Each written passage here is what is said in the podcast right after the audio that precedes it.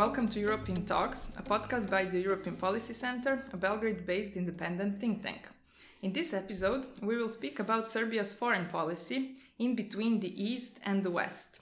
Serbia has prioritized EU membership as foreign policy objective, but it also nurtures intensive relations with other global powers.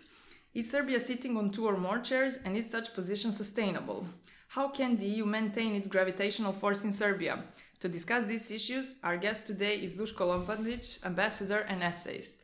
Mr. Lopandić, welcome to our podcast. Hello. Uh, well, let's start with the, the fact that uh, the policy community from the West uh, is emphasizing or even overemphasizing uh, the growing uh, influence global powers such as China, Russia, and maybe Turkey uh, have on Serbia. Are they right in such approach? No, mm, no I, I think they are not right. I, actually, they are having their own perspective, and uh, and uh, uh, this perspective is always made from uh, from national interest. We should, uh, when we speak about Serbian foreign policy, we should uh, we should think about our our own national interest. And first of them, as you know, Serbia is not as any other country because it has a large internal external uh, problem with the, its borders actually. It's about kosovo issue uh, relations between belgrade and pristina and how to solve it. And our foreign policy for the for big part of it unfortunately has been has been uh, um, influenced since uh, rather long time by those kind of uh, status uh, internal status uh, factors. Uh, you, I may re uh, remember period when uh, there was a struggle about uh, so-called continuity of former Yugoslavia. There, there was another issue between uh, Serbia and Montenegro, and th this one is the third one in, in, in my career, which ac actually is connected with those things as borders. Uh, that's why uh, when we also speak about uh, our European integration, we should not forget about this, this issue.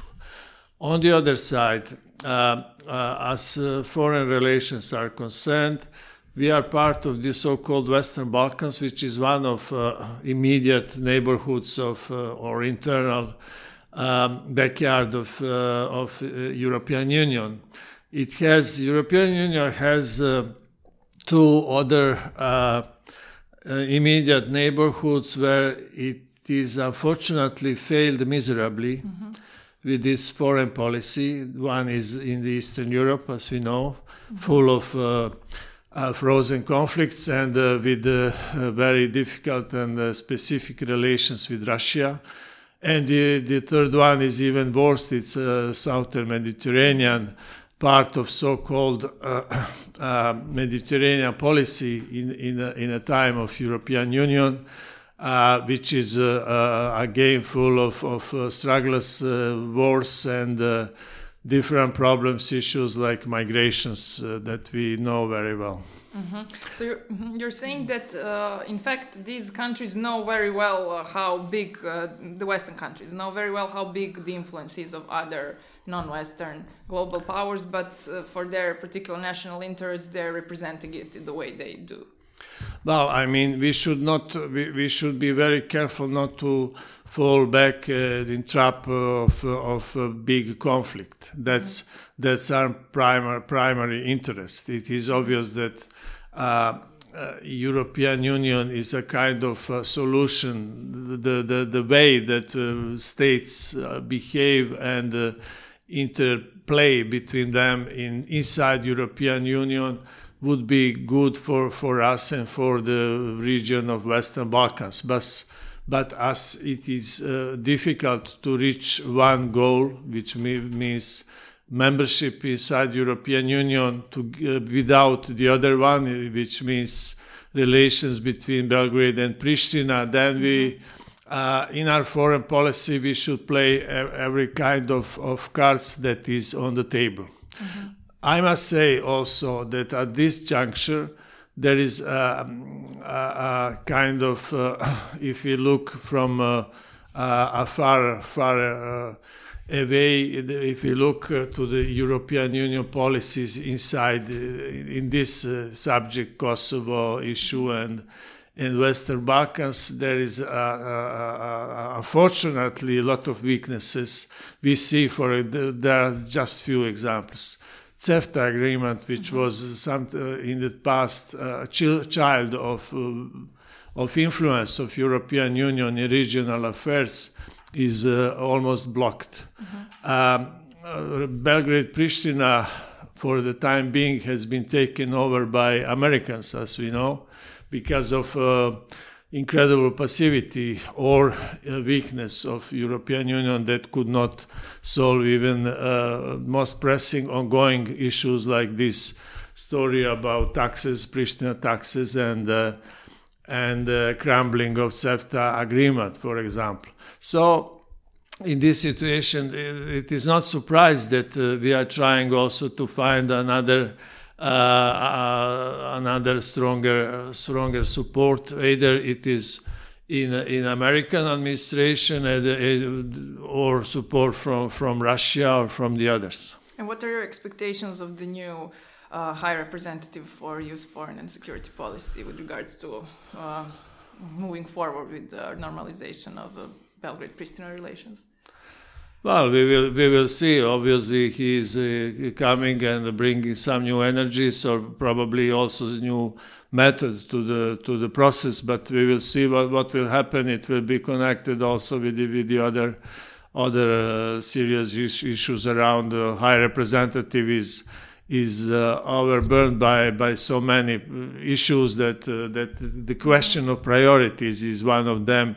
And we saw with the former uh, High Representative that, that unfortunately uh, this Belgrade Pristina dialogue was not uh, here priority so much. Mm-hmm. Uh, and what would you say about the um, chapter 31, which deals with the um, external relations of a candidate country and the fact that uh, Serbia is not let's say, well aligned or uh, aligned in accordance with the expectations of the EU currently with the EU's foreign and security policy. How big of a burden will that be in Serbia's future accession process? Well, there, are two things that we should mention. One is uh, the one. The one is uh, this problem with, with Kosovo and uh, our need to to uh, gather so so much as many as possible of uh, supporters of our position, including Russia.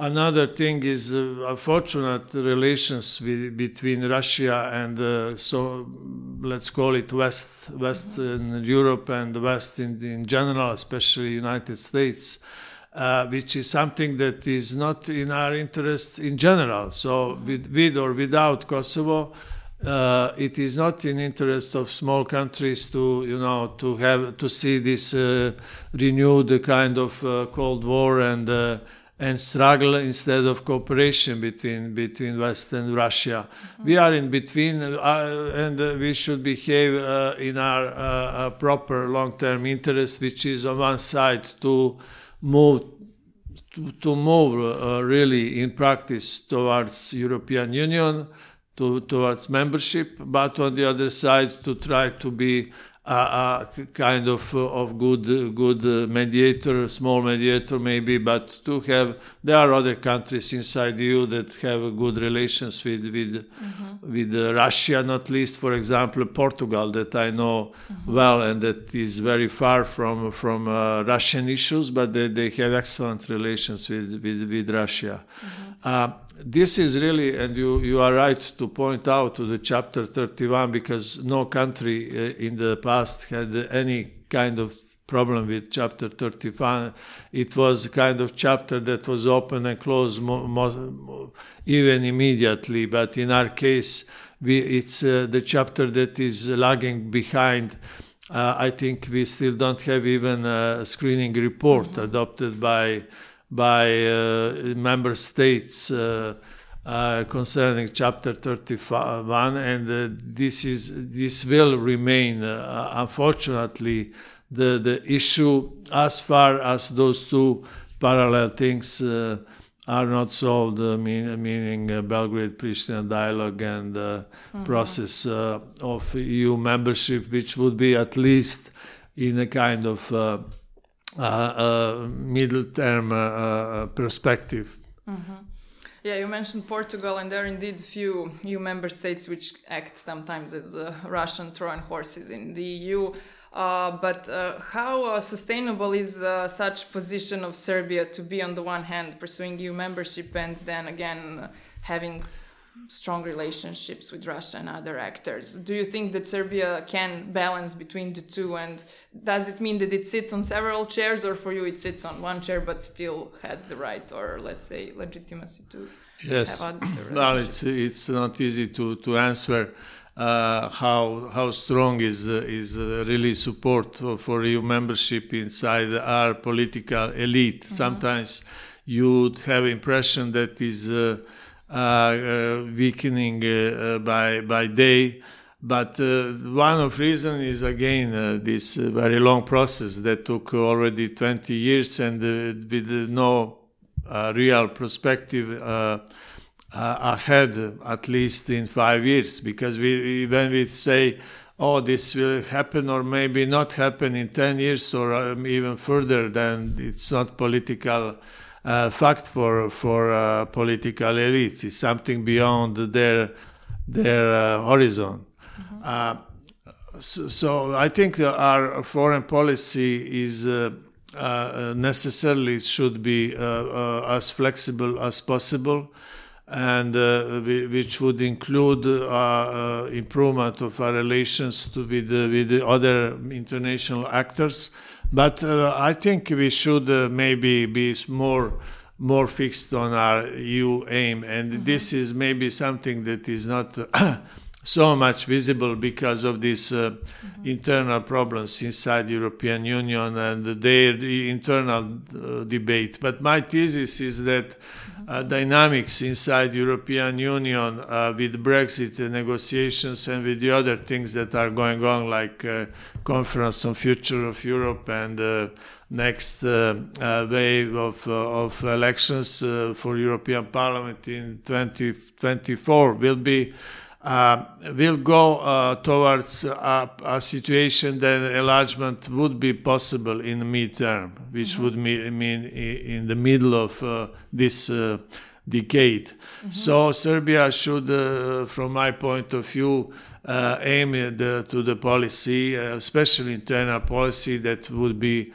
ready really to be part of European Union uh, by the middle of this decade, which would then include also a lot of reforms that are missing. Mm-hmm.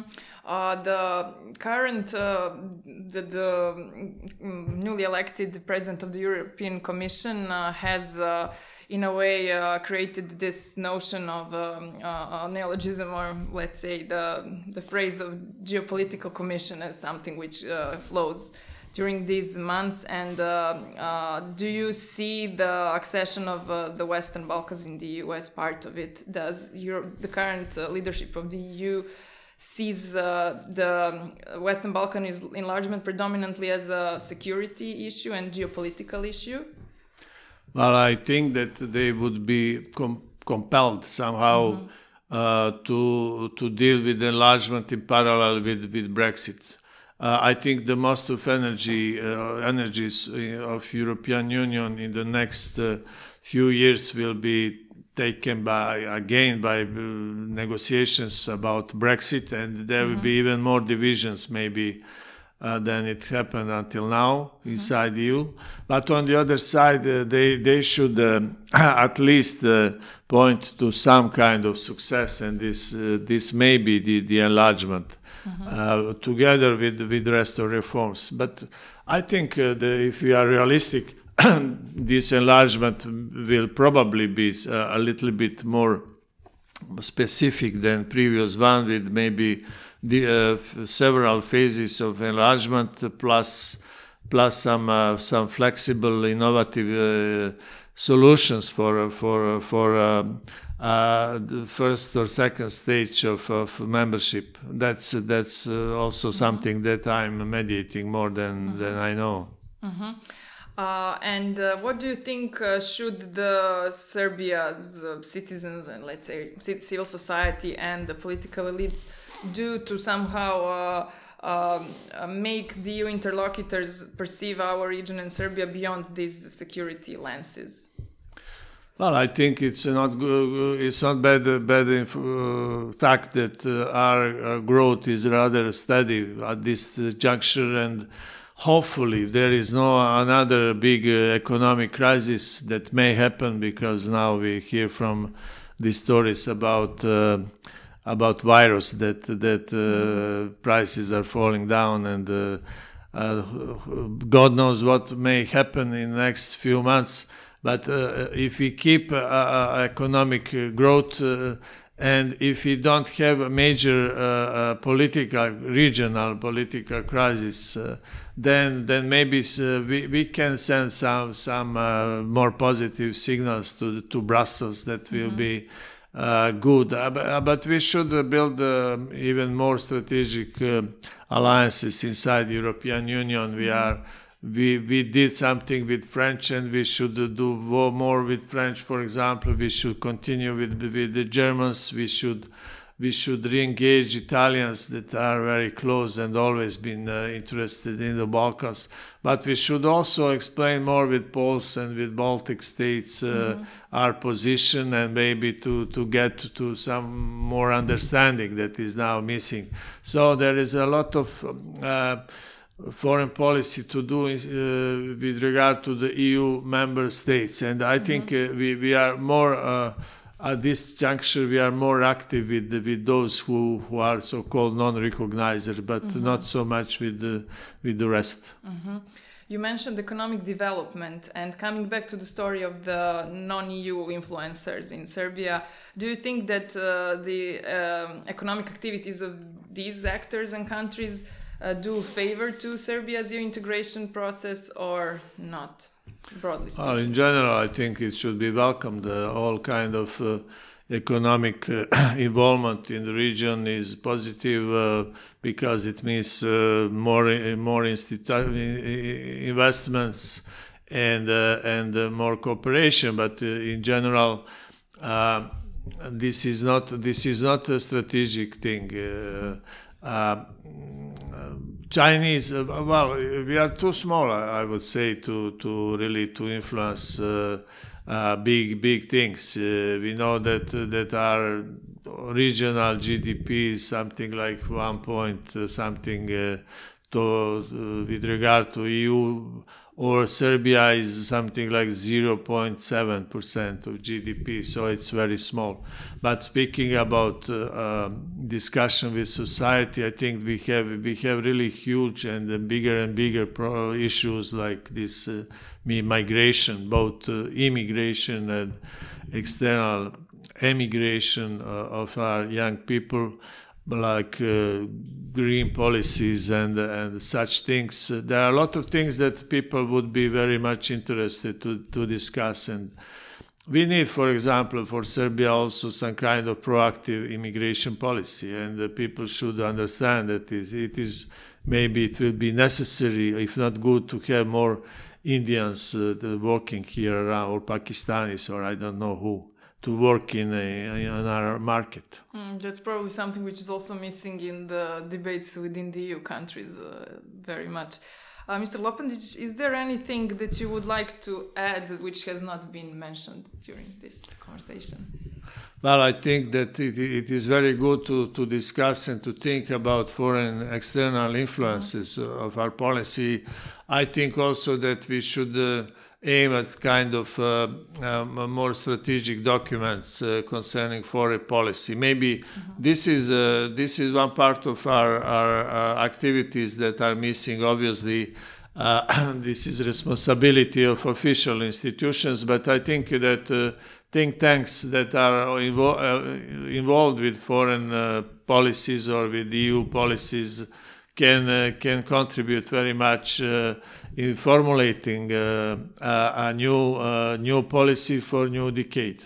And this is something which was one of your messages uh, recently at the event European Policy Center organized on the occasion of uh, uh, representing the results of uh, Global Go-To think tank rankings, where CEP has been ranked as the first uh, think tank, number one think tank in the Western Balkans. Uh, Mr. Lopan. So I congratulate you. thank you. Uh, I thank you for this uh, conversation and uh, invite our uh, listeners to stay tuned because uh, in the next half of this year, CEP will publish a study which will examine the role and influence of different global powers, non Western powers in Serbia, such as China, Russia, Turkey and so on. This study will be supported is supported by Konrad Adenauer Foundation. Uh, thank you again for your conversation. Thank you.